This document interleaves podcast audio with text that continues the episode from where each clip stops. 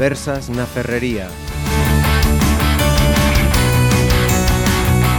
Saludos, arrancamos otras eh, conversas que vamos a centrar en el ámbito deportivo, concretamente en la natación sincronizada. Hemos comenzado el curso, ya hemos visto a los peques, ya llevan más de una semana por ahí con las mochilas a cuestas y quienes ya llevan currando mucho antes eh, son las niñas del Galaico Sincro. Comenzaron, me chivaban hace unos instantes, el día 4. Vamos a hablar de cómo se prevé esta temporada que ya ha comenzado en este Club Pontevedrés. Me acompañan. Tenemos unas conversas femeninas para hablar esta tarde. Eh, Belén Álvarez, que es la presidenta del club, bienvenida de nuevo. Hola, ¿qué tal?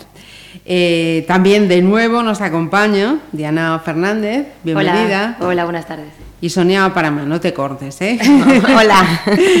Ellas son dos de las entrenadoras del Galaico Sincro. Eh, les recordaba antes que la temporada anterior habíamos tenido aquí a Belén y a Diana y también a unas cuantas de las, de las peques. Y, hay que decir muchísimas gracias porque con muchísimo éxito de seguimiento. ¿eh? Fue todo un éxito de, de programa. Las niñas atraen, que lo sepáis. Decía, o me decíais, desde el día 4 ya de nuevo en la piscina, a pleno rendimiento. ¿Cómo ha sido la vuelta? No a las aulas, pero sí a la piscina y a los entrenamientos. Pues sí, empezamos el día 4 con la famosa pretemporada. Y bueno, bien, estamos con las niñas de nivel, eh, haciendo eso, la pretemporada. Hemos entrenado por la mañana aprovechando que las niñas no tienen clase. Y nada, la vuelta al trabajo otra vez. el, verano, el verano bien, ¿no? Se han cargado Sí, pilas y... Bueno, bueno. Toca trabajar. Eh, por cierto, Sonia, ¿vosotras en verano descansáis o seguís maquinando? Bueno, sí, le damos muchas vueltas a todo, Sí. porque son muchas cosas que hay que planificar para una nueva temporada y entonces pues estamos siempre ahí, aunque sea en la playa, pero todas juntas ahí Seguís maquinando, vueltas. ¿no? Los niños jugando en el Lego, vosotras ya Nada, pensando. No descansamos nunca. Y a la directiva Belén le pasa igual, tampoco descansa. Pues sí, es muy difícil desconectar del todo, pero bueno, bien, bien. Es una responsabilidad al final, ¿no? Eh, llevar un, un club como, como este. Pues sí, No es tontería. sí, sí, es una implicación personal tremenda. Sí. Comenzabais el 4. Eh, todavía está abierto el plazo de matrícula, ¿no? sí. Eh, ¿Con cuántas niñas terminábamos la temporada pasada? Pues terminábamos con 80 niñas aproximadamente. ¿Y se ha comenzado esta? Mm, Pues no te puedo decir exactamente porque en realidad no tenemos los listados cerrados. Eh, Claro, está- Ha habido bajas y ha habido incorporaciones. Entonces, en este momento, la verdad, no podría darte un número. Estará por ahí. Puede variar en dos o tres niñas, pero sustancialmente está por ahí. Eh, quienes eh, nos estén escuchando o digan, hombre, yo estaba pensando en eh, dónde se tienen que remitir, qué tienen que hacer para, para formar parte, para que las niñas entren, en- las niñas o los niños, la sincro. Mm, Pues eh, normalmente la gente llega a nosotros a través del Facebook o directamente en las instalaciones de la piscina. En todo caso, eh, podemos dejar el teléfono de Diana o el mío, que es el que, que se utiliza habitualmente para, para esto.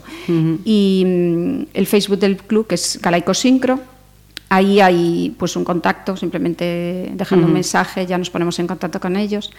Y después en, las- en la piscina, en las instalaciones de Rías do Sur, en la oficina del club. Perfecto. Eh, y decía yo, niñas y, y niños. Sí, sí, sí, sí. Estamos ya incorporando, bueno, queremos, queremos eh, incorporar a los niños porque es lo que toca. Eh, no tenemos ninguno, Niños. pero somos, somos optimistas.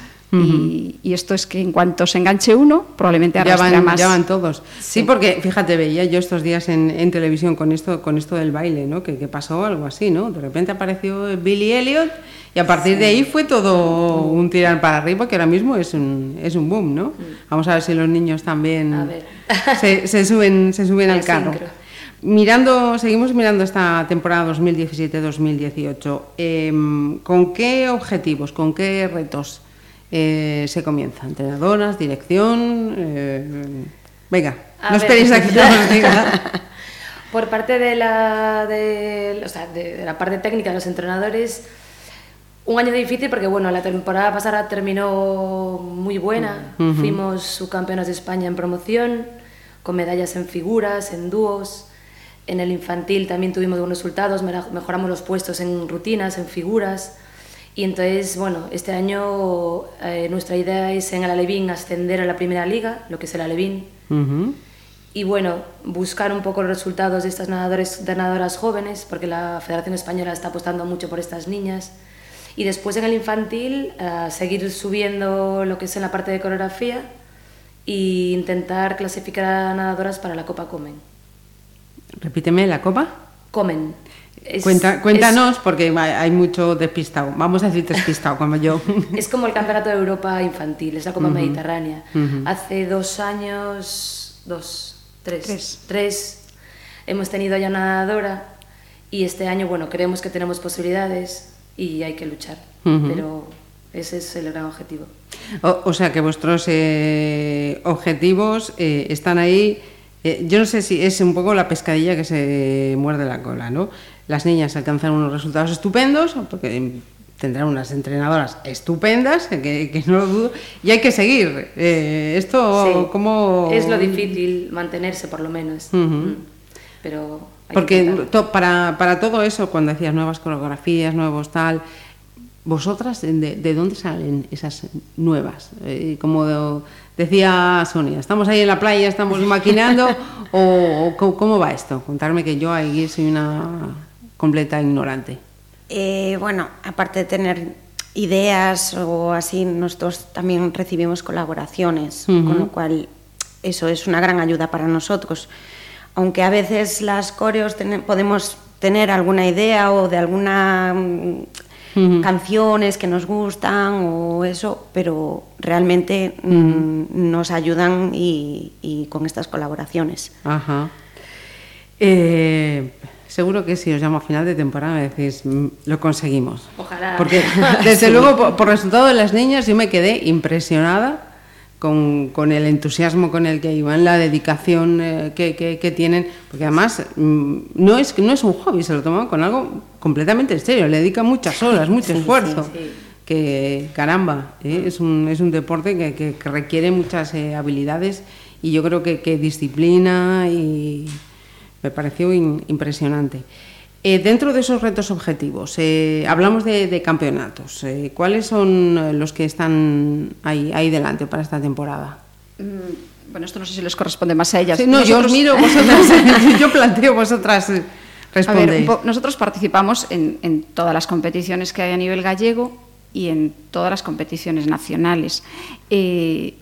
Para ellas la prioridad son las competiciones nacionales. Uh -huh. sí. Entonces, eh, eso, participamos en todos y, y, bueno, este año lo haremos igualmente. Uh -huh. eh, por lo que han presentado en el proyecto que, que han presentado a la Junta Directiva, eh, pretenden re retomar eh, unas salidas que hacíamos hace dos años y tres años eh, a Cataluña y a Madrid. Uh -huh para participar allí en competiciones propias de esa comunidad autónoma, de esas comunidades autónomas, porque el nivel es mayor y es una manera de crecer. ¿vale? Uh -huh. Entonces la Junta Directiva un poco pues, apuesta por estas cosas, por primero por apoyar a los entrenadores en todo esto que supone una mejora uh -huh. para el club y por tanto para las niñas. Y, y en eso estamos trabajando, en conseguir ayuda uh -huh. económica, fundamentalmente, y, y, poder apostar por esto, por, por, por, la formación, bueno, por un lado por esto, por, por los desplazamientos y mejorar, mejorar este lado y también por la formación de las entrenadoras, porque este año hay normativas nuevas y hay que formarse. Uh -huh. hay, hay mucha formación pendiente de cara a esta temporada. Entonces, apostamos también pues, porque nuestras entrenadoras eh, estén un poquito al día de todas estas cosas. Ajá. Vale. O sea que además de formar a los niños, también eh, hay que formar a formadoras, sí. ¿no? La sincro está en constante evolución y entonces no puedes descolgarte. Ajá. Sí, porque de hecho este verano, bueno, gracias al club yo me he podido ir a Barcelona, un uh -huh. campus que hace la española. Al cambiar la normativa, pues uh, el campus era, hablaba sobre las nuevas figuras y bueno, hemos sido muy pocas entrenadoras de, de clubes de España y yo tuve la suerte de poder estar allí. Caramba. Pues que partimos un poco con, uh -huh. con, mucha información y mucho trabajo. Eso también dice mucho para los, padres que puedan estar escuchándonos ahora, ¿no? O sea, el, nivel de, entrenadoras que tiene, tiene el Galaico Sincro, que eso es un, pilar, imagino que fundamental. Em, hablabas eh, también, ya, tenía un par de historias y la primera ya, ya se me ha ido. Tenía aquí el boli apuntando ayuda, subvenciones, pero sabía que tenía otra cosa más que, preguntar. Eh, voy a ello entonces. Ayuda, subvenciones, ¿cómo está este tema? Siempre puede estar mejor. El dinero no llega, no llega para nada, porque si es verdad que, que, bueno, no ha estado mal este año, pero, pero bueno, los patrocinadores, por las circunstancias que arrastramos, pues eh, son bastante reticentes. y, bueno, sí que vamos en buen camino, o sea, no, no, no estamos peor que antes. Y, Eso la parte privada, la parte pública. Y la parte pública, eh, sí, más o menos se mantiene, más o menos. Algunos organismos mejor que otros, pero bueno, más o menos se va manteniendo. Claro, porque eh, si hay que hacer más salidas, lógicamente eso conlleva más gasto. Sí, eso al final eh, termina yendo en gran parte al bolsillo de los padres y, también en eso, desde la Junta Directiva, pues eh, lo que puedo decir es que estoy agradecidísima por, por el apoyo recibido, por la comprensión por parte de las familias. Ajá me volvió, me volvió. Cuando estábamos hablando de las, de las entrenadoras, ¿cuántas eh, sois las que estáis eh, trabajando en el Galaico Sincro? Somos en total cinco entrenadores. Cinco entrenadores. Sí, somos cuatro chicas y un chico. Perfecto. ¿Ves? Sabía yo que tenía algo, algo pendiente.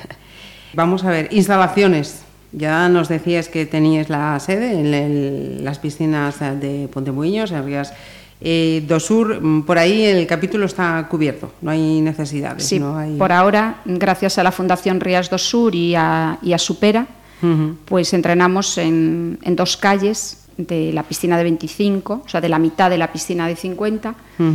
y, bueno, para el que no conozca Rías do Sur, pues decir que, que, somos afortunadas porque, porque la piscina tiene, aparte de un lugar estupendo, pues unas, unas instalaciones inmejorables.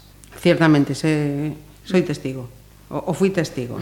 Las malas costumbres y la pereza ya, ya, me llevaron por el mal camino, pero ciertamente que sí. Además se les veía encantadas, estabas por ahí cuando iban, era una, una gozada verlas, ciertamente.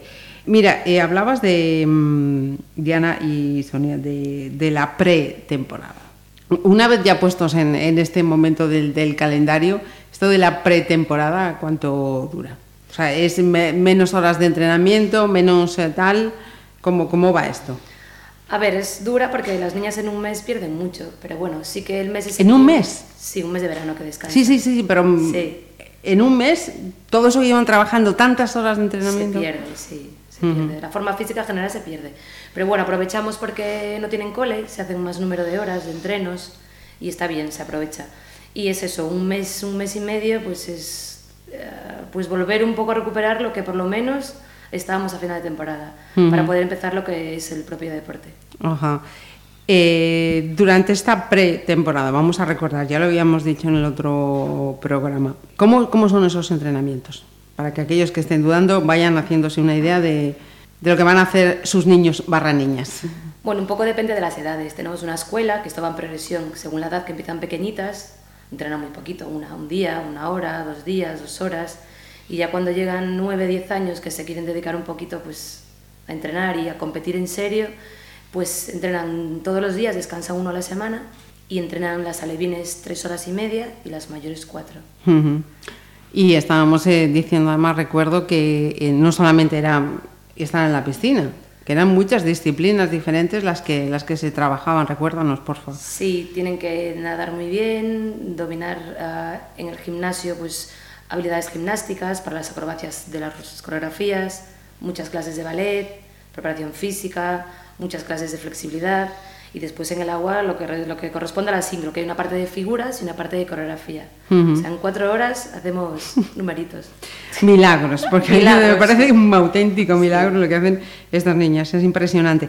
Mira, y mm, volviendo otra vez, los estoy mencionando mucho en este programa, pero me interesa que, que sean ellos los que, los que reciban eh, toda la, la información. Esos padres que estén pensando en, incorporar a, sus criaturas a la sincro. ¿Qué edad sería la, idónea, la que recomendáis para que, para que vengan? A ver, no, hay un límite de edad. Eh, tenemos niñas desde los cuatro años y, por arriba pues no hay límite.